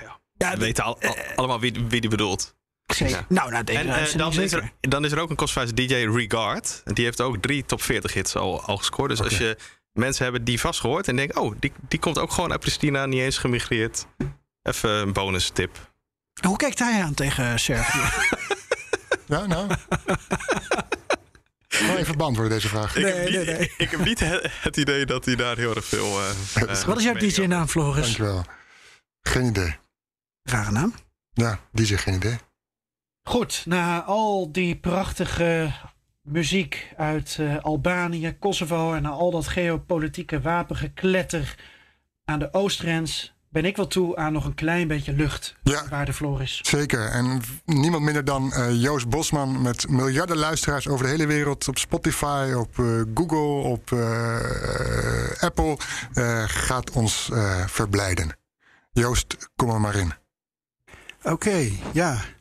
Nou, ik, ah, ik heb een mop over Kazachstan. Want eh, ook wel actueel natuurlijk. Eh, ik weet niet of jullie het er nog over gehad hebben in de podcast. Maar hier komt hij. Er eh, loopt een leeuw door Kazachstan. Over het veld. En hij loopt tegen een heuvel aan. En bovenaan de heuvel gekomen kijkt hij als een veldheer over het land. En op dat moment steekt er een marmot zijn kopje boven de grond. Waarop die leeuw die ziet dat en die zegt... Marmot, zegt hij... Dit hele land is van mij. De lucht is van mij. Ik ben hier de koning. Zelfs jij bent van mij, zegt hij. Krijg nou, wat zegt die marmot? Is Nazarbayev vertrokken? Mooi. cool. Leuk. Dankjewel, Joost. Ik zat met smart op te wachten.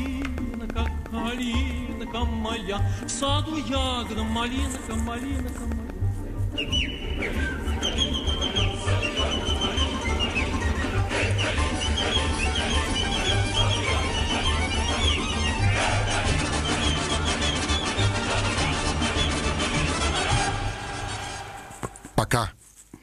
Aito. Ook Hugo Reitsma vind je in de BNR-app. Superhandig die BNR-app. Je kunt alle programma's live luisteren, breaking nieuwsmeldingen. Je blijft op de hoogte van het laatste zakelijke nieuws. En je vindt er alle BNR-podcasts, waaronder natuurlijk de belangrijkste, Boeken zijn in de wijk. Download nu de gratis BNR-app en blijf scherp.